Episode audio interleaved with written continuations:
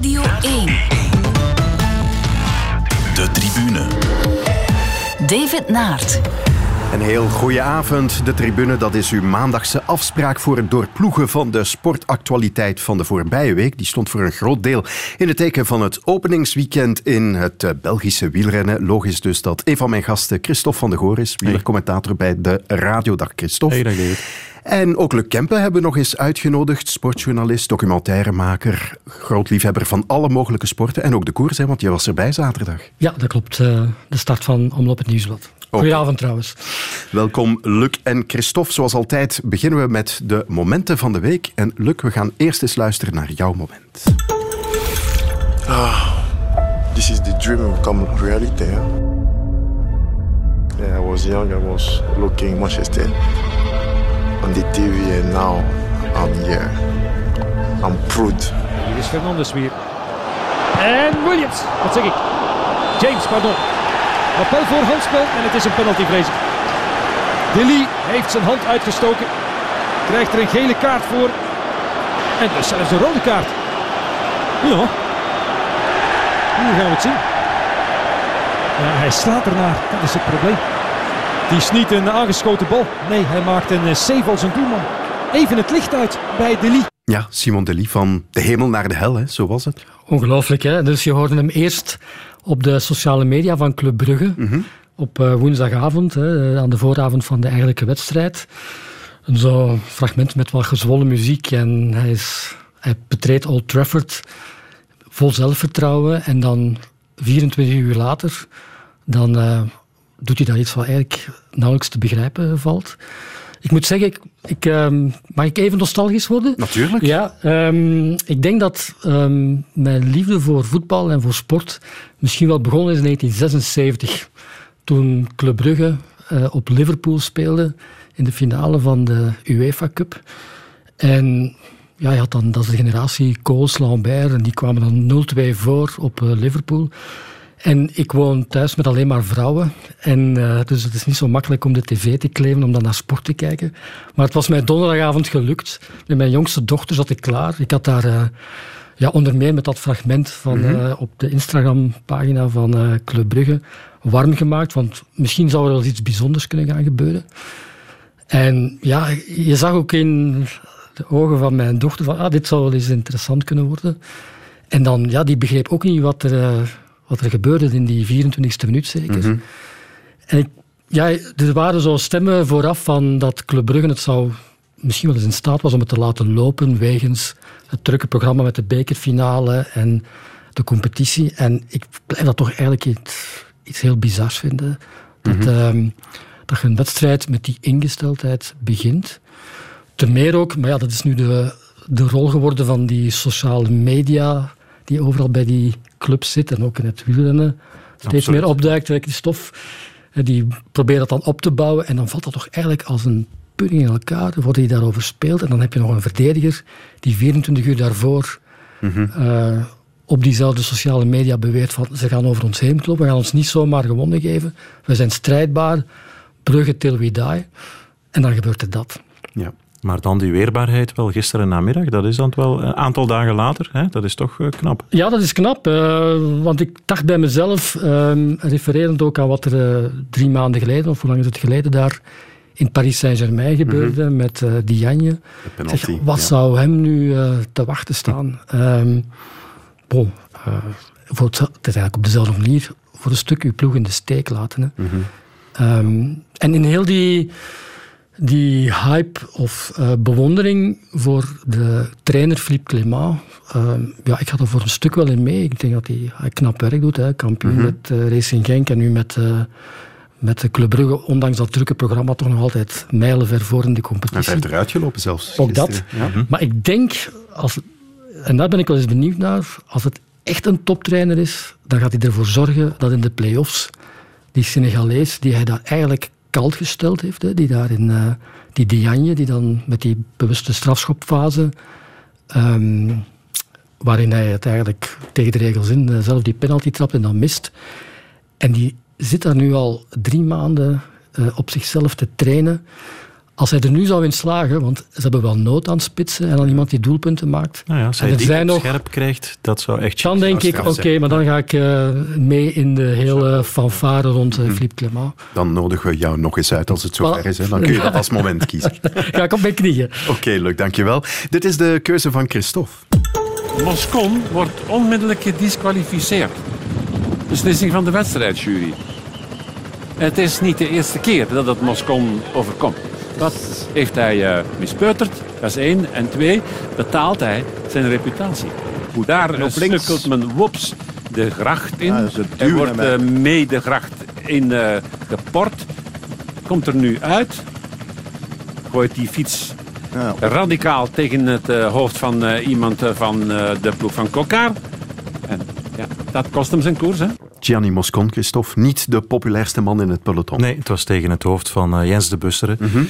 Ik zou graag willen beginnen met te zeggen, ik, ik heb het voor persoonlijkheden in de sport en in de koers. Ik hou daarom ook net ietsje meer van een Mark Cavendish bijvoorbeeld. Ook niet de gemakkelijkste van een Bradley Wiggins. Maar ze moeten toch ergens wel een grens trekken. En die is gisteren getrokken. Heel snel optreden van de VAR. Het busje stond zelfs in Kuurne-Brussel-Kuurne. Kleinere wedstrijd, met alle respect, achter eh, de finish. En het begon van 's morgens al. De wedstrijdcommissaris had via de Radio Tour laten weten, omdat een paar gasten weer over het, over het fietspad aan het rijden waren.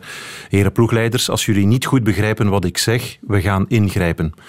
Nu, deze jongen is niet over het fietspad gereden, hè, want dat mag niet meer sinds een aantal jaar. Maar eh, de manier waarop hij op een, een rustig moment, waarin er eigenlijk nog helemaal niks aan het gebeuren was, er werd niet al te snel gereden, dan reageert eigenlijk heel vilijn.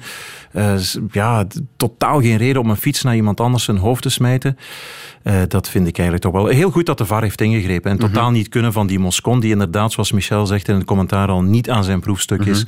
Racistische uitlatingen naar jongens van, van Franse ploegen. Het is altijd wel van datum met Gianni Moscon. En eh, ik hoop nu wel dat Ineos ingrijpt. Ofwel is die jongen zo naar zichzelf op zoek, dat zelfs ook de sportpsychologen bij Sky geen uitweg meer vinden. Maar ja, ergens houdt het wel op natuurlijk. Hè. Is er iemand in het peloton die met Moscon opschiet, eigenlijk? Als ik mijn oor te luisteren leg, is het antwoord duidelijk. Nee, nee, omdat het altijd... Hij, hij is ook onsportief. Kijk naar het WK in Bergen, waar hij aan de klink heeft gehangen van de ploegleidersauto eh, bij Bramati. Cassani was het, excuseer. Eh, ja, noem maar op, racistische uitlatingen. Reichenbach, de Zwitser, die verhaal is gaan halen twee jaar geleden om te zeggen, ja, ik ben zwaar ten val gebracht door meneer Moscon. Ja, eh, Abdou Shabarov destijds was ook een man naar wie altijd werd eh, gewezen in de sprint. Eh, maar ja, dat mag wel ophouden met Moscon, ja. De tribune. En mijn gasten vanavond zijn Luc Kempe en Christophe van de Goor. Stuiven blijft nog altijd uh, Lampaard uh, goed uh, opvangen. Lampaard uh, komt nog aandringen, maar komt er niet aan. Het is Stuiven die de omloop het Nieuwsblad wint 2020. Lampaard is tweede, één en Belg, twee en Belg. En Søren Krauw Andersen is derde.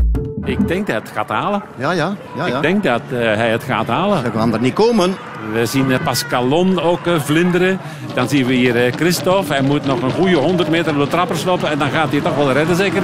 Christophe komt in de diepte wel razendsnel af. Maar het is voor Casper Asgreen. En Deen wint Kuurne, Brussel, Kuurne. Ja, ik vond het een openingsweekend dat zeker wel kon boeien. Zeker uh, met de omloop uh, afgelopen zaterdag. Wat, wat vonden jullie ervan, Christophe? Leuk aan jou de eer. Oké. Okay. Um, ja, natuurlijk. Ik ken uh, Jasper Stuyven nog ten tijde van de jonge benen. Hè. Die reeks op uh, één ja, in 2015 en 2016.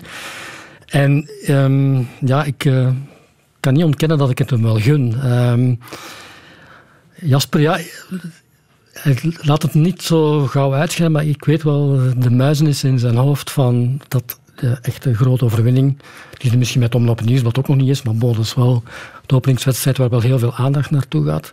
Want hij heeft het een paar keer echt uh, deels door eigen schuld om zeep geholpen. Mm-hmm. Maar waar hij heel lang mee in zijn hoofd gezeten heeft, is uh, Cherbourg 2016, de ja. Tour. De tweede rit van die Tour. Hij is daar met aankomst. Ja, hij heeft met een groepje zij daar weg. En dan op 8, 9 kilometer van de aankomst lijkt hij alleen op weg naar de finish te gaan. En dat zou voor hem betekend hebben, mocht hij daar gewonnen hebben, want uiteindelijk wordt hij daar in de laatste 200, 300 meter uh, gegrepen door het peloton en wint Sagan. Uh-huh. Maar voor hem zou dat betekend hebben ritwinst, gele trui, uh-huh. witte trui, bolletjestrui. Ik bedoel, ja, dan is uw carrière gelanceerd. En hij heeft me wel eens verteld van hoe hij daar s'nachts wel eens van wakker schoot. Van stel dat ik het daar 300, 400 meter langer had volgehouden, dan had mijn carrière, en we spreken over 3,5 jaar geleden, Ja, ja. er al heel anders uitgezien. En twee jaar geleden nog eens een keertje op weg naar Mende. Geweldige reet. En dan wordt hij eigenlijk ook maar in de laatste honderden meters eh, weer gegrepen. En, en Aan de andere kant zich ook laten kloppen door Olivier Naassen op het BK in Antwerpen. Terwijl iedereen ook dacht in de laatste kilometers, dit kan niet mis mislopen voor, eh, voor Jasper. Dus ehm, ja, goed. ehm, het heeft een tijdje geduurd. Eh, dan komt daar nog eens bij dat eh, al die wielergidsen de afgelopen weken het alleen maar hadden over Wout van Aert, Remco Evenepoel en Mathieu. en Mathieu. Ja. Allemaal dezelfde foto. Ja. Maar ik, ik heb in het najaar vorig jaar een heel lang gesprek met hem gehad voor een podcast. En hij had een eh, slecht seizoen achter de rug. En hij zei toen ook, ja, persoonlijke issues. eh, Ik wil er niet over uitweiden. Niet relationeel, eh, benadrukte hij. Want ook zijn vriendin was er gewoon bij. Maar nu dat hij gewonnen heeft, komt beetje en beetje naar, eh, naar buiten. Zegt hij ook, ik was te veel bezig met mijn gewicht. Te mager. Ik wilde te graag. Ook de muizenissen met John Degenkolb. De status binnen het team. Degenkolb die op basis van Parijs-Roubaix en ehm Milaan-San Remo nog altijd zei in de bus, ik ben de man. Maar eigenlijk al drie jaar geen prijs meer reed, behalve die ene kassei-etappe in de Tour. De ploegleiding die dan daarin ook, vind ik ook zeer opvallend, geen beslissing durft te nemen.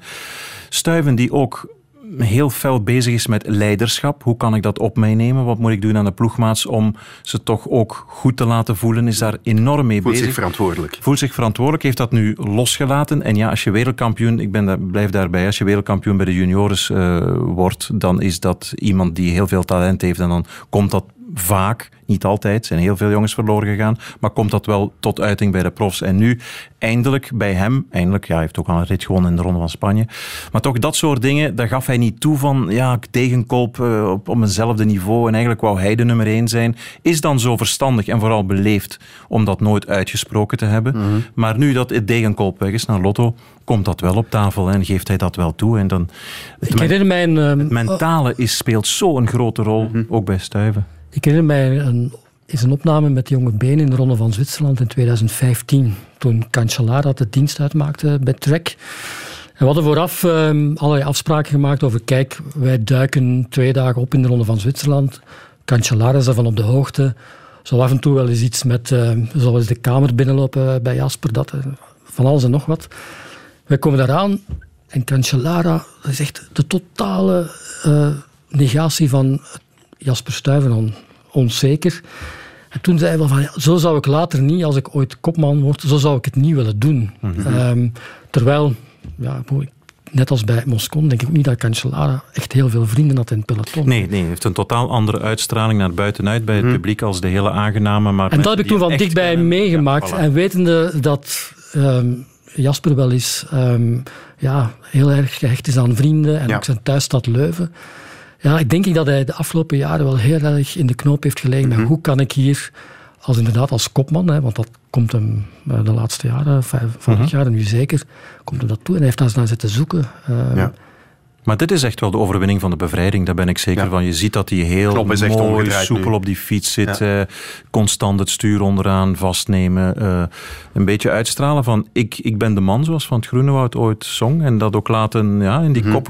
Ik, ik had het meteen al genoteerd, David, vorige zaterdag eh, in vet aangeduid. Bij iedere ontsnapping was één man betrokken van bij het begin, Jasper Stuyven. Mhm. Ook bij dat waaiertje dat weggereden is, 14, 15 man, nadien nog eens. Dus zo alert koersen. We gunnen het hem wel heel erg, hè, Ja. ja, maar het is echt een, eh, een sieraad op de fiets. Hè. Zo is bedoel, het, ja. zo is het. Ja, ja. absoluut. En, eh, Ja. ik, ik denk dat hij zeker in staat is om, om met voorsprong eigenlijk wel Parijs-Roubaix te winnen, zeker en vast. Oké, dan komen er mogelijk Ja. nog mooie tijden aan. Hij is de figuur, of toch een van de figuren van het weekend. Maar de ploeg van het weekend, ja, dat is de Koning Quickstep toch weer. Hè? Een ploeg die terug is van nooit weg geweest. Ja, zo Ze gaan gewoon voort. Ze blijven maar eh, blikken opentrekken met jonge talenten. Want niet alleen die Asgreen, die kenden we al van vorig jaar, tweede in de Ronde van Vlaanderen. Heel speciaal verhaal ook, de manier waarop. Eigenlijk een medical joker, hè. zo is hij bij Quickstep Ja. terechtgekomen. Hij rijdt de pannen van het tak, grijpt zijn kans ook. Klein beetje een tikkie gekregen eh, van Lefevre zaterdagavond. Was niet helemaal tevreden over de Deen. Zet dat dan meteen recht.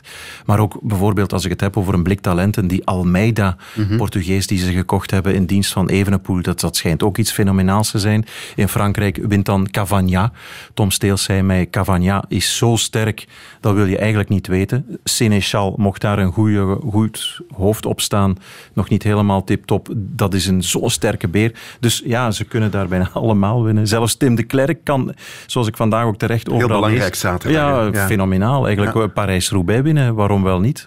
Denk jij dat het allemaal onder controle te houden blijft voor, uh, voor? Ik denk nu bijvoorbeeld aan ja, met Evenepoel. Er is een periode geweest dat uh, Lefevre zei dat rondewerk, uh, daar wil ik me niet mee bemoeien, dat is niks voor ons. hij ja, heeft dan met met Mas en wat weet ik allemaal geprobeerd om daar iets te betekenen, maar het behoorde niet tot hun het, zogenaamde En met uh, Rigoberto Uran in ja. die veelbesproken Giro die misgelopen is. Ik vroeg hetzelfde aan, aan, aan Remco Evenepoel tijdens de mediadag in Calpe en hij moest een klein beetje glimlachen, want hij voelde zich betrapt door die vragen en hij zei, wij zijn daar al mee bezig om een ploeg rond mij te bouwen, om bergop jonge gasten te vinden die dedicated willen zijn om mij mee dat pad af te leggen. Bijvoorbeeld zo'n Almeida en nog andere jongens. Dus men, men van, is van waar bezig. die ambitie om dat nu? Ja, bon, je krijgt natuurlijk Ja, zo'n als je diamant in je ja, schoot. voilà, dat, ja, dat denk ik wel. Ja, dat, dat, uh, als je Evenepoel, een, een nieuwe, ja, ik ga het woord niet uitspreken, maar als je de nieuwe X in je team hebt, dan zou ik ook wel alle moeite doen om hem naar, naar dat doel te begeleiden. Hè. Maar het is nog heel vroeg natuurlijk, maar het gaat niet ten koste op dit moment van datgene waar ze altijd al zo sterk in geweest zijn, het eendagswerk. Nee, dat is waar. Met, met Stibar, die eigenlijk zaterdag afwezig was, met Lampaard, met Jungels, die, die ook zou moeten scoren. En, en vandaag terecht gelezen, uh, wat Lefevre zei, men stelde ons die vraag toen Bonen wegging. Bonen, verlies, opgevangen. Dezelfde vraag Terpstra. Terpstra, ja, zoekende bij Direct Energie. Dus ze hebben al die mannen die weg zijn gegaan van het klassieke werk altijd wel door anderen kunnen opvangen. Heeft dat dan toch te maken met dat Wolfpack-gedoe waar ik in het begin een beetje vragen bij had? Mooi marketing misschien, maar goed. Als je met de jongens echt praat. Het is, uh, als je gisteren ook naar de streep. Um, die felicitaties aan het adres van, van uh, de Deen, van Asgreen, leken mij zeer oprecht. Terwijl je dat toch bij andere teams veel minder hebt. Het, het, ik hoor dat er in de bus van Trek ook gedanst wordt. En misschien bij Astana nu ook. Nu wel, nu wel maar toen daar weten wij niks over. Toen, toen Degenkolb en Stuiven daar waren, werd nee, er niet gedanst. Nee, dat, dat klopt. Het is dat. Dus, uh, mm-hmm. Maar ja, ja ik, ik, krijg daar de vinger niet op gelegd op waarom dat... Nee, dat, ik ook niet. En, dan, en, en Gilbert is niet de makkelijkste. Gilbert kent eigenlijk ook maar drie personen. Me, mm-hmm. myself en I. Mm-hmm. En toch heeft hij daar drie jaar kunnen gedijen ook. En is daar nooit een teken van ruzie geweest. Mm-hmm. Dus en dat ze, zegt toch ook al iets, hè? En ze presteren niks meer als ze weggaan. Uh, behalve Matteo Trentin en um, nog een andere op wiens naam ik nu niet kom, maar een Vermoten en andere mannen, die, uh, die vallen inderdaad Terpstra. in een wak. Dat is waar. Ja. Terpstra heeft wel, uh, hoor ik, bijvoorbeeld andere dingen ingevoerd bij Direct Energy. Die gingen maar tijdens de winter één keer op stage in plaats van twee of drie keer met Quickstep. Dus die stonden wel uh, trainingstechnisch en, en op andere vlakken toch wel veel achter. Ja. En hij probeert dat daar te implementeren, maar dat is niet van vandaag op morgen. Ja. Maar je hebt gelijk, ik stel me die vraag ook al tien jaar. Ja. En toch, als ik zo naar Jasper Stuyven kijk, dan denk ik ook... Hè, inderdaad, zoals jij zegt, elf jaar geleden wereldkampioen met de junioren, Parijs-Roubaix gewonnen. Ja, ik moet het nog zien. Hè. Bij Evenpoel ongelooflijk talent, maar de verwachtingen zijn enorm. Vrees jij ook niet Ja, maar wat van... deze jongen laat zien op zijn negentiende, Luc, en San Sebastian ja. winnen en, en uh, jouw jonge benen, Tim Welles en, en Kampenaars doen sterven. Letterlijk Kampenaars die in de Ronde van België gewoon zitten roepen van laat mij vallen, want anders word ik hier los uit. Dat, dat, is toch, dat hebben we toch nooit gezien? Ik dat heb, hebben we nooit gezien. Ik heb de ja. tijd van Merks niet levendig meegemaakt, alleen maar van lezen en horen en zien achteraf. Maar wat deze jongen doet op die leeftijd, ja, dat is toch... Uh, en zo zijn we weer over hem bezig. Ja, ja. En uh, Jij begon erover. Wij moeten terug naar het openingsweekend. Uh, Philippe Gilbert, de naam heb je al uh, genoemd. Dat mm-hmm. ging over zijn periode bij uh, Quickstep. Nu Lotto Soudal. Ja. ja. Uh, ik las in de krant dat ze het zelf al bij al nog oké okay okay vonden. vonden ja. Op de resultaten mm-hmm. na. Bekijk ze dat toch niet door een al te roze bril? Ik vond van wel. ik, ik las ook... Uh, Frederik Willems, de hoofdploegleider, mm-hmm. dat hij heel tevreden was over het middenveld. Ik had vooral zaterdagavond daarbij een vraagteken uh, geplaatst. Want oké, okay, Stan de Wulf, jonge gast nog, maar die is uit met een uh, knieprobleem. Jelle Wallais ook met, door een blessure er niet bij. Uh, maar echt in de breedte vond ik ze niet zo sterk, eerlijk gezegd. Frederik Frison, heel goed gereden. Jawel, dat is een costaud jongen, dat zie je. Die, uh, die gaat nog jaren ook meegaan. Genre Tim de Klerk. Maar voor de rest zag ik toch niet al te veel jongens in beeld. Oké, een Jasper de Buist, ik zal het ook maar meteen daaraan toevoegen. Mocht een eh, Lotto-ploegleider mee aan het luisteren zijn, die zat in de Emiraten, die komt ook nog naar die klassieke kern. Goeie gast, goede kerel, bedoel, sterk ook. Dus ehm, het kan alleen maar beteren, maar qua, qua, qua omvang in de breedte, qua sterkte, was ik niet onder de indruk, eigenlijk. Als ik daar bij Lotto sta, dan denk ik altijd van wat zou er nu gebeurd zijn mocht in het voorjaar van 2018 Wout van Aert voor Lotto getekend hebben. Zo is dat helemaal, ja, dat is waar. Ja. ja. Ehm, hè, dat heeft er, Ja. Het heeft nauwelijks iets gescheeld. Ehm, hij werd dan derde in de Strade Bianchi. Dan zijn er onderhandelingen geweest. Je weet dat ook, eh, Christophe. En dan ja, is dan met een geweldig megabot is Jumbo-Visma daarover gegaan. Allicht ook nog wel eh, juridische steun voor heel die zaak waarin Van Aert betrokken was met Nick Nuis. Maar dan had de wereld er wel anders uitgezien. Ja. En dan blijf ik mij toch afvragen waarom zetten ze dat niet, zetten ze niet door. Misschien kunnen ze er financieel niet tegenop, maar ja, dat was toch wel de inspanning waard geweest. En iedereen zag toen, op dat moment, het zou een match in dat- heaven geweest Dat is waar, ja, zonder daar te fel op in te gaan. Ik laat mij vertellen door, door mensen die het zouden kunnen weten dat men daar gewoon een snelheid gepakt is. eh. Ja. Ja.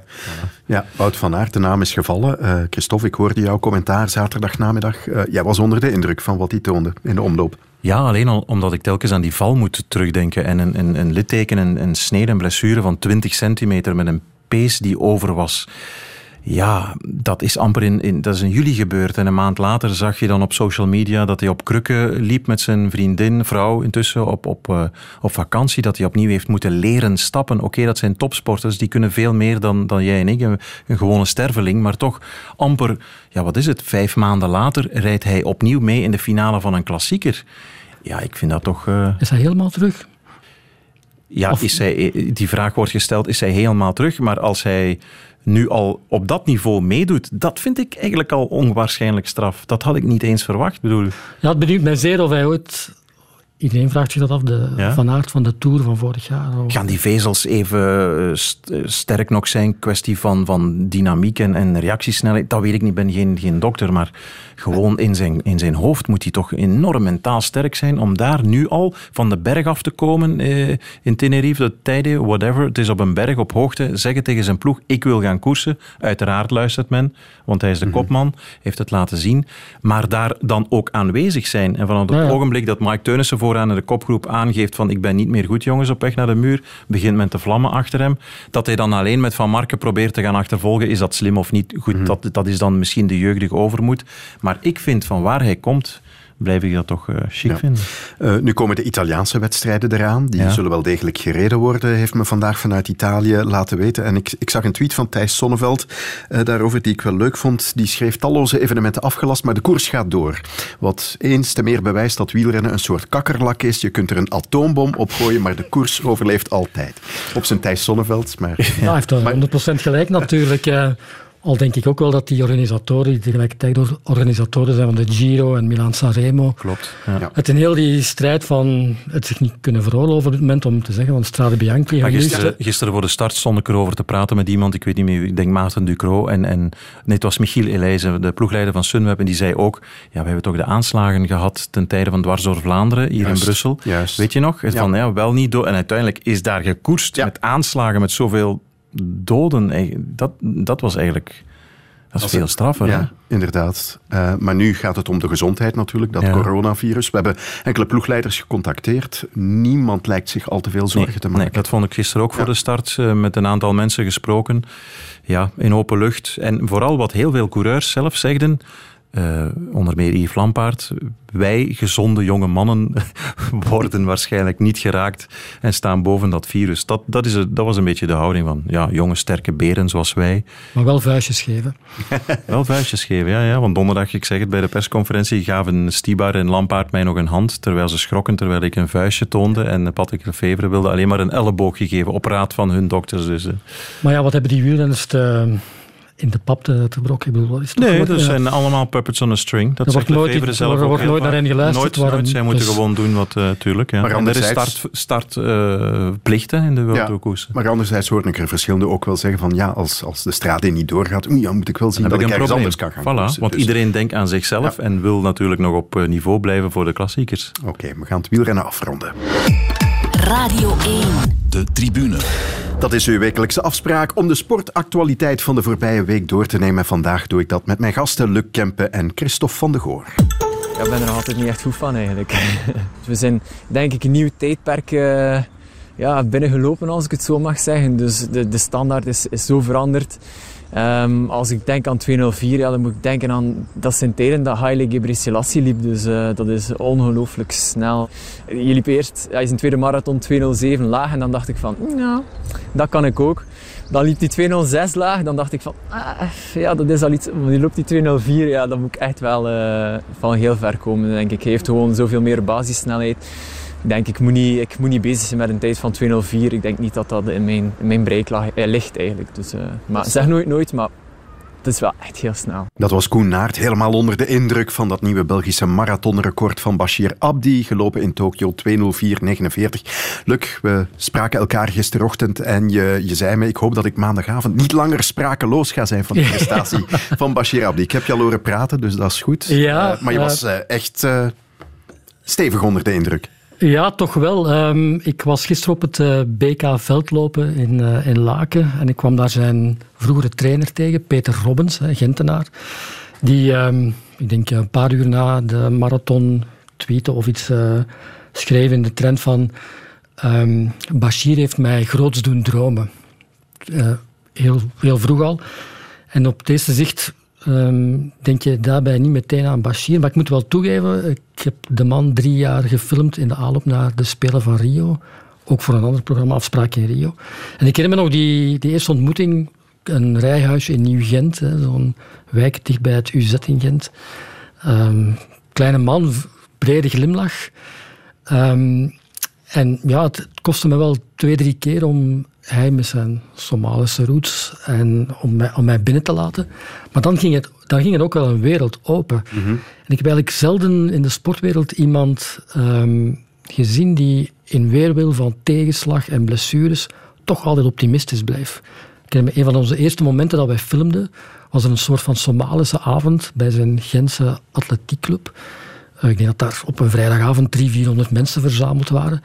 En echt, die straalde heel de avond. Iedereen warmde zich aan zijn uh, glimlach en zijn optimisme. En jij kent hem ook uh, mm -hmm. een beetje beter, David. Dus, um, en wat hij nu doet, uh, ja, daar had ik eigenlijk nooit in. Ja, precies, denk ik ook omdat hij zo moeilijke tijden op de piste heeft beleefd. Ja, hij is af en toe wel geblesseerd Zeert, geweest. moet afhaken voor ja. geven last minute. Ja. Maar dan stapt hij over na TK 2018, waar hij een medaille wint. Waar je ook niet maar onderschatten, hij heeft zich heel lang ten dienste gesteld van Mo Farah. Ja. Ik, uh, ik herinner mij al van bij de eerste ontmoetingen, ook uit Somalië afkomstig. En toen wij aan het filmen waren, ja, goed, vijf en tien kilometer. Het was Mo Farah all over the place. Ja. En... Uh, en ik denk ook voor al die Somaliërs, en het zijn ondertussen honderden duizenden in de diaspora die over heel de wereld zijn uh, verspreid geraakt, is die Mo Farah in, ja, een god hè, in, een, in een land dat Mhm. totaal kapotgeschoten is. Stel je voor, uh, het gebeurt in België. We hebben ergens in Amerika een Belgische sportman. Die precies, er kon geen kwaad woord over zijn lippen komen over, over Mo Farah. En hij heeft zich daar heel lang in de schaduw gesteld. En wat Mhm. zie je nu? Hij loopt sneller. Hij loopt sneller. Farah wordt 38. Bashir is 31, als ik het goed begrijp. Dus Ja. ja, het komt echt... Uh, Maar in dat goede interview met uh, Koen Naert hoor je ook aan de ene kant de bewondering, maar ook heel lichtjes tussen die regels door de, de verwondering, zo, de verbazing van wauw, van, van 206 naar 204. Ja, die mannen op dat niveau. Ja. Nu, ik, ik ken niet zoveel. is iemand die zichzelf enorm goed kan inschatten. Zo is het. En, en dan plots met zo'n uh, tijd, zo'n marge eigenlijk, de eigen tijd uh. Ik kan het niet inschatten wegens onvoldoende kennis. Uh, vandaag over gelezen. Ja, de schoen. De schoen zou ook wel, hè, de Nike-schoen. Terwijl dan Koen Aert uh, met een ander merk loopt. Je zou bijna zeggen... Essex. ik wou het al niet zeggen. Uh, kijk wat jij aan hebt, Luc, onder tafel. Um, dat ik bijna dacht van, ja, arme, Maar Ko- het- arme tot- Koen, tot- wissel, wissel van schoenen. Maar in de aanloop naar de het Spelen wordt het wel een punt. Hè. Ik bedoel, als je op dat soort merken loopt, je gaat niet meer meetellen. Maar hoe fenomenaal is dat van 206 naar 204? Jullie kennen meer van atletiek. Dat- is dat, dat Dat is ja. fenomenaal, omdat hij nog maar een beperkt aantal marathons heeft Vierde. gelopen. Ja. Ja. Ehm, en dat het keer op keer sneller gaat. En nu toch meer dan een minuut eraf, dat is eh, heel wat. En op het einde niet verzwakt. En, en Nog niet, veel in, sterker, en niet ja. in zomaar een marathon ook, hè, want hij wordt vijfde in Chicago. Ja. dat is een major. Nu tweede in een andere major, Tokio. Ja, het is... en, hij heeft natuurlijk zijn herkomst, hè, dat in zijn voordeel speelt. Hij leeft ook wat is het, acht, negen maanden per jaar nu stil. Ja. Het was eigenlijk vooral een marathon waar hij is een beetje wou wennen aan de Japanse omstandigheden. Die, die snelle tijd had hij zich niet tot doel gesteld. Hè? Want hij ging eigenlijk in de tweede groepje meelopen. Maar na een kilometer of vijf zegt hij al, ja, ik voel me eigenlijk te goed voor dit tempo, dus ik ga maar vooruit. Mhm. En, en dus loopt hij ja, bijna alleen naar zo'n chrono toe. Dat is toch wel heel En dan loopt hij nog niet op het beste uh, exemplaar schoenen van dat nee, merk. Nee, dat op één na. Ja. Wat betekent dit voor de Spelen eigenlijk? Kan die, uh... Dat is een heel goede vraag. Ja. Um... Het is een ander parcours, het is een ander tijdstip. Hè. Het is in Sapporo. Ja. Um, iedereen is het wel over eens dat de top 10 nu wel in, uh, in zicht komt. En wat ook belangrijk is, want dat hoor ik wel in de, in de entourage van hem, en hij zegt het zelf ook, van ik hoop ook dat Koen gaat, dat er eventueel nog een derde Belg op de marathon gaat geselecteerd worden, want dan heb je je eigen drangpost.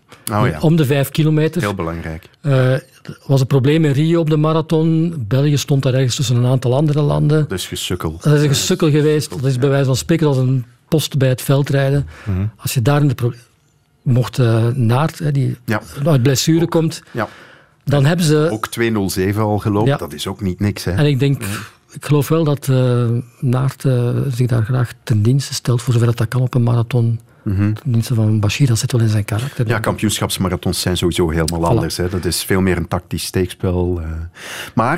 En wat zijn, er nog bij komt... Het zijn, het zijn de Afrikaanse atleten. Voilà. En, en Bashir is ook onze Afrikaan. Ja, absoluut. En ja, hij heeft, ik denk dat hij nu, wat zal het zijn, meer dan 15 jaar in, uh, denk ik, in uh, België woont. Hij, mm-hmm. hij, heeft zich Gent eigen gemaakt. Hij is maar al, traint heel vaak in Ethiopië. Hè? Ja, hij is ja. vaak weg. Ja. In die zin, want er dient zich nog een probleem aan. Um, hij wordt voor de tweede keer vader.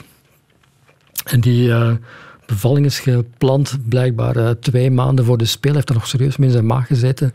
Op het moment dat hij plant om terug naar Ethiopië te gaan om op hoogte te trainen. Dus, uh, maar dat Niet blijkt zozeer allemaal... omwille van de slapeloze nachten, maar uh, Ja. gewoon om weg te kunnen. Weg, Allee, weg ze te zijn ja, van ja, thuis. Ja. Ja. die hoogtestage, dat is echt wel... Is nodig, hè? Ja. Maar ja, Echt als je dit presteert, ja, dan zijn die Olympische Spelen een once in a lifetime opportunity. Het is wel zijn... Uh, en dan te Dan bedenken... krijgt Dat, er misschien over vier jaar nog wel een. ja, dan wordt hij 35. Ja. En wat misschien ook nog in zijn voordeel speelt... Um, eind april is er de Marathon van Londen. En daar staat een duel Kipchoge-Bekele op het programma. Hè, de Mhm. twee die elkaar gaan uitdagen. Dat is op drie maanden voor de Spelen. Maar het zou eens kunnen dat die elkaar uh, dermate Kapot lopen. kapot lopen. En zelfs zij moeten toch... Ja. Ook al zijn het wonderjongens op uh, sloffen. Zij gaan toch ook nog uh, moeten recupereren van uh, dat soort prestatie. Oké. Okay. Dat wordt boeiend om te volgen. De tribune. De zwemwereld dan, die stond vorige week in rep en roer. The Court of Arbitration for Sport has upheld the appeal filed by the World Anti-Doping Agency against the Chinese swimmer Sun Yang and the International Swimming Federation FINA. Considering that it is his second anti-doping rule violation, and in the absence of any mitigating circumstances, the panel concluded that an eight-year ban starting on the date of the CAS award, so today, has to be imposed on the athlete. Ja, het was een nieuwsbericht dat uh, wel gebracht is in België, maar een beetje ondergesneeuwd was uh, in de rest van de actualiteit. Maar toch belangrijk, want Sun Yang, Chinese zwemmer, die door het TAS, het Internationaal Sporttribunaal, voor acht jaar geschorst is. Hij is meervoudig wereld- en olympisch kampioen op de 200 en 400 meter vrije slag. Maar wat had hij gedaan anderhalf jaar geleden? Een uh, bloedstaal bij hem thuis, want hij werd daar gecontroleerd, stuk geslagen met een hamer. Op vraag van zijn moeder. Hè? Ja. en de Internationale Zwembond FINA die zag daar geen graten in. Uh, hij kwam er vanaf met een waarschuwing, maar het WADA, Wereld Antidopingagentschap, ging in beroep. En het TAS gaf het WADA gelijk. Acht jaar geschorst. Het is een heel merkwaardige zaak. Dit, ja, het is de meest fascinerende dopingzaak die op dit moment speelt, denk ik. Um... Je denkt aan alles gehoord te hebben met de Russen die het via uh, gaatjes in de muren langs de achterkamers deden. Maar uh, dit is ook wel redelijk straf. En ja, doe maar. Nee, ja, nee, alles komt daar samen. Ik bedoel, we hebben het, wat jij zegt, David. we hebben het op over een van de meest populaire zwemmers. Mm-hmm. Ik heb er in 2013 op het WK in Barcelona mee in de lift gestaan. Um, en je, ik kan mij geen meer verwesterde Chinese atleet voorstellen dan Sun Yang. Uh, en toen al begeleid door zijn moeder, die een ex volleybalster is. Hij pakt daar ook graag mee uit met zijn luxe. Hè? Ja, absoluut. Uh, en, en hij is vriendelijk in de omgang. En ik dacht, maar potverdikke, hij was toen al wel Olympisch kampioen in Londen geweest. Mm -hmm. Ik ben me altijd blijven verdiepen in hem. En nu heeft hij, ja, hij is in 2014 al eens tijdelijk geschorst ja, geweest. Ook dat was heel douche, hè? want ja. uiteindelijk werd hij voor drie maanden geschorst omdat hij een, een stimulerend product had gebruikt. Maar pas toen die schorsing afgelopen was, heeft de FINA dat bekendgemaakt. En in die periode waren er ook geen zwemkampioenschappen, dus ja. Ik denk dat we het erover eens kunnen zijn dat uh, in de rangorde van meest corrupte sportbonden dat de voilà, FINA wel in de top 3 staat, denk ik. Met heel oude leiders ja, aan het inderdaad. bewind. Ik heb het opgezocht. De voorzitter, Maglione, 84 jaar jong. Die hem als zijn eigen zoon beschouwt, hè? Ja. ja. En, en dan wordt er ja, ook, inderdaad. Dan wordt en, ook en de directeur, in, in, functie van uh, de heel grote markt natuurlijk. Maar dus de, hè, de directeur, de man die de dagelijks leiding geeft, dat is een Roemeen, Marculescu, 78 ja. jaar. En die is al 34 jaar directeur. Dus dat is echt een toonbeeld van oude krokodillencultuur. Dat is een vermolmde vermolmde sportbond. Ze hebben het ook altijd voor hem opgenomen, inderdaad, in functie van die Chinese markt. Maar ook niet onderschatten, uh, Dave en Christophe. We hebben het hier over een zwemmer met uh, 35 miljoen volgers op het Chinese Twitter. Hè. Weibo heet ja. dat. Uh, ik, bedoel, dat is, ik denk dat alleen Cristiano Ronaldo meer uh, volgers heeft op Twitter dan, dan Sun Yang. Hè. Maar toch, het, het feit dat een internationale bond voor deze vergrijpen zijn zwemmer, zijn, zijn sporter verdedigt tegen het TAS en tegen het WADA, dat is toch du jamais vu Ja, want ze zijn tot twee keer toe tussengekomen in de procedure voor het WADA, ten gunste van uh, Sun. Dat is, terwijl je zou toch denken als sportfederatie, ja. ik blijf hier neutraal bij. En ik was het bijna vergeten, maar ik belde even met Sidney Appelboom, onze zwemcommentator. Mm-hmm. En die zei, weet je nog, een aantal jaar geleden, acht, negen jaar geleden, met de nieuwe pakken, was er ook een geweldige persconferentie. Ook uh, omdat ja, de zwemwereld op zijn kop stond, omdat met dat pak het ene na het andere wereldrecord werd uh, uh, gevestigd. Mm-hmm. Dat gleed ook van die mannen af als een druppel water. Die waren daar ook helemaal niet mee bezig. En, en dat kon hen eigenlijk niet of weinig schelen. Ja, ik denk, ik, soms vergelijk ik het wel eens met Lance Armstrong. Ik bedoel, in die zin van, uh, we hebben het hier over een Aziatische wereldster, ja. uh, Aziatische ster, wereldster eigenlijk, hoewel hij in West-Europa niet zo bekend is, maar toch. Ja. Dat is eigenlijk heel grappig, want Sidney Appelboom, zo net in, in het gesprek, telefonisch, maakte net dezelfde vergelijking. Pure ja. arrogantie, zonnekoning tot en met. Hij is ook in um, ja. Lausanne bij TAS aangekomen weer in gezelschap van zijn moeder. Mm-hmm, met van, kijk, ik kom hier om te verdedigen. Zijn entourage was ergens op zoek in de buurt van Lausanne naar een geschikt zwembad, zodat hij kon verder blijven trainen. Want we spreken uh, over de aanloop naar, uh, naar uh, Tokio. Dus hij had in de verste verte geen rekening gehouden met het feit dat hij voor zijn tweede dopingvergrijp, ja. en die tweede is een vergrijp in de zin van een dopingcontrole ja, tegengewerkt. Hè. Zo. Mm-hmm. Iemand uit zijn entourage heeft de stalen kapotgeslagen met een hamer bij een onverwachte dopingcontrole. Ja, want hij vertrouwde de identificatiegegevens ja. van de controleur. Het was ook was een Zwitserse leidster die daar plots voor hem uh, aan zijn woning stond, uh, even ten zuiden van uh, Shanghai. En um, ja, dus die man leeft in een wereld, ja, het is te vergelijken met Armstrong, die poseerde met zijn zeven gele truien op het moment zetel, dat... Ja. Ja, ja en, en, hij voelde zich zeker zeker, want de FINA steunde hem. Hè, want uh, tijdens het vorige WK, vorig jaar, was er nog protest van een aantal uh, zwemmers. Mac Horton, de Australiër, weigerde met hem op het podium ja, te gaan staan. Dun Duncan Scott uit Groot-Brittannië, uh, die protesteerde ook. En wie kreeg de wind van voor? Die twee ja. van de FINA. Dus die hield echt de hand boven het hoofd van Sun Yang. Aan de andere kant denk ik van... Ja, de sporten en ook wielrennen heeft daar wel een, een aardje van om zijn supersterren op te offeren. Hè. Ik bedoel, um, Armstrong, hoe ver, hoe ja, lang kan dat blijven duren? dat je al je helden... Ja.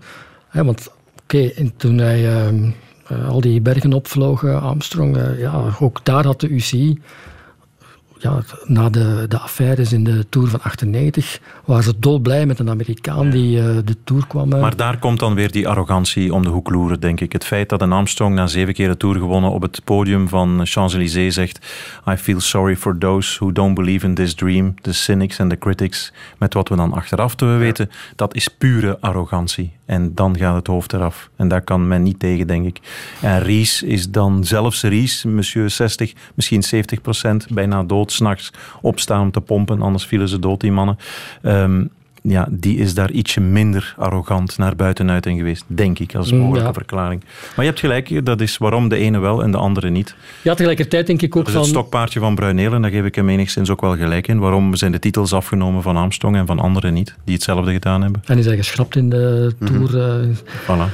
En dat is bij Sun Yang trouwens niet het geval. Nee. Die mag eh, al Maar zijn goed, titels de- houden. ja, Niet of nog niet? Zou men daar misschien ook wel naar gaan kijken? Ik denk dat het nu Ja. toch wel eh, vreemd zal moeten gaan om acht jaar. Hè, nu is hij geschorst voor acht jaar. Eh, die FINA heeft natuurlijk ook belangen in China, organiseert daar. Ik ken de frustratie van Pieter Timmers als het gaat over Sun Yang, maar ook hij, als er FINA-series zijn, World Swimming, en er is een manche in Shanghai.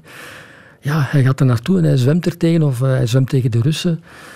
Ja, je, je staat als sporter eh, toch in een, Ja, ja, in, omdat in een die moeilijke nieuwe positie om daar ook wel geld te verdienen is natuurlijk. Hè? Ja. Bovendien heeft de FINA, diegene, die jongens die daar vorig jaar op dat WK in Zuid-Korea eh, weigerden de hand te schudden of weigerden eh, dat podium, podium te gaan staan, ja. eh, nog het flink moeilijk gemaakt. Ja, Ze hebben die proberen te schorsen en via de Australische Ja. zwembond proberen het leven zuur te maken. Het is me daar toch wel een... eh, Een zootje. En het doet me denken aan van, ja, op eh, vier, vijf maanden van de Spelen, of hoe lang is het nog? Mhm. Eh, herinner je ook eh, Rio 2016 met eh Efimova, de Russinnen? Ja. Ook daar was het de FINA die toestond dat Russen in het zwemmen mochten deelnemen onder hun eigen eh, vlag en Klopt. voor hun eigen nationaliteit. Zoals de meeste federaties trouwens. Hè. Atletiek en was het gewicht even? Misschien, ja. Dus qua hervorming is daar nog wel heel wat werk aan eh, de winkel, denk ik. De tribune. Radio 1.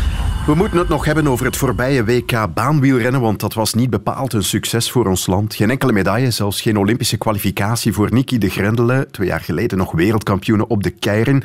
Alleen in de ploegkoers ging het nog goed met een vierde plek voor Jolien Doren en Lotte Kopecky en een vijfde voor Kenny de Ketelen en Robbe Gijs. Het zal van die twee duo's moeten komen in Tokio deze zomer.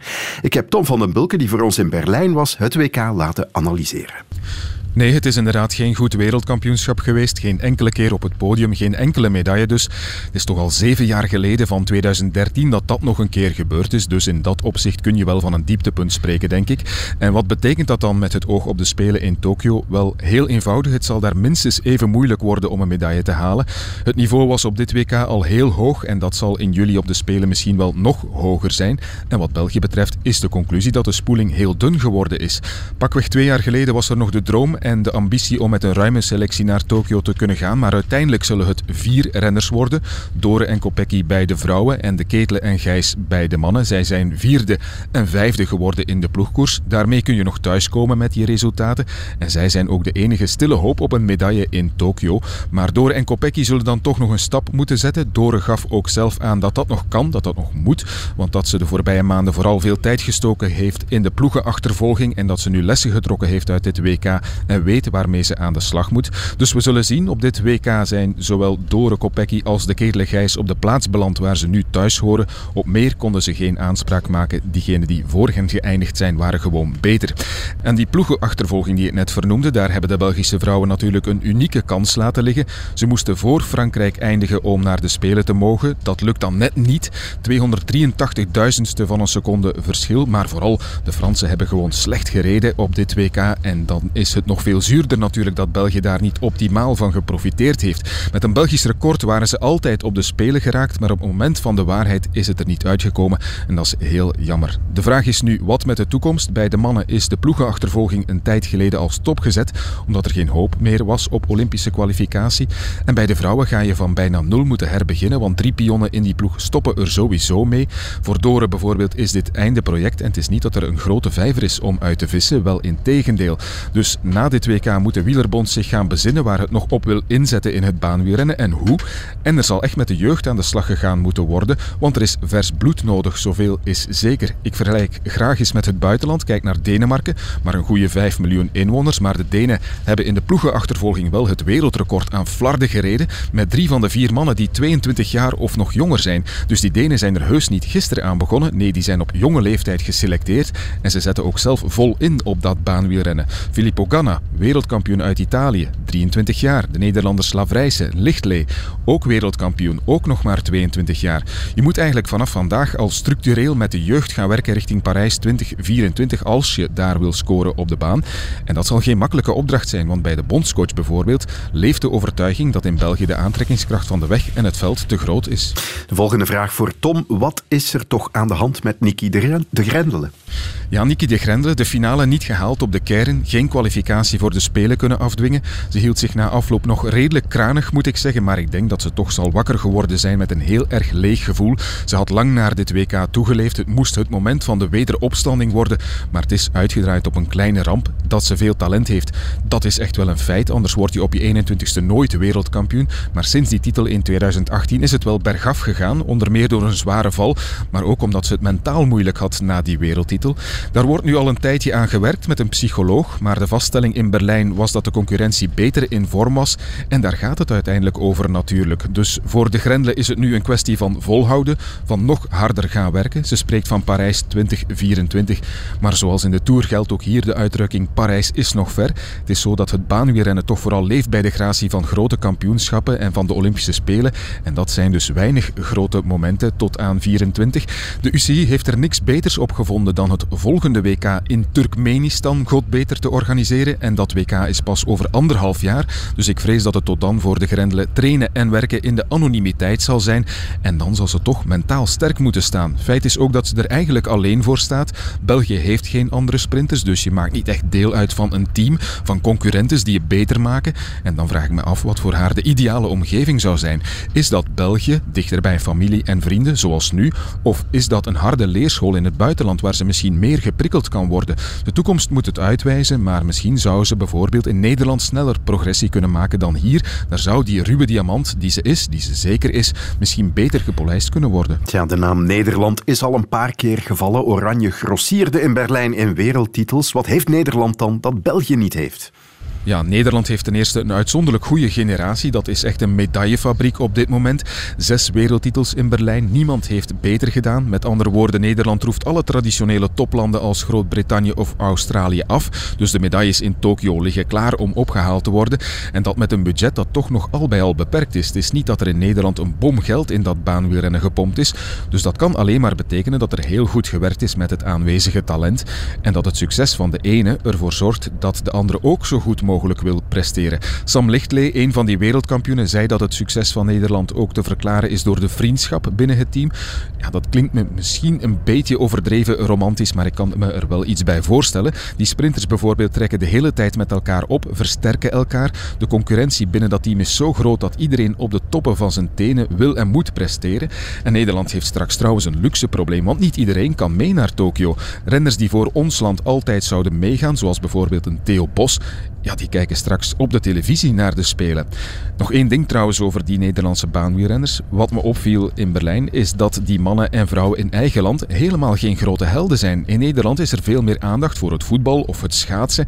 En die baanrenners hebben echt niet of nog niet de status die ze eigenlijk wel verdienen. Niet dat het aantal volgers op sociale media een waardemeter mag zijn, maar Harry Lavrijsen, bijvoorbeeld drievoudig wereldkampioen in Berlijn, heeft op Twitter wel geteld 1200 volgers. Sven Kramer, Nederlands beste beste schaatser heeft er 400 keer zoveel.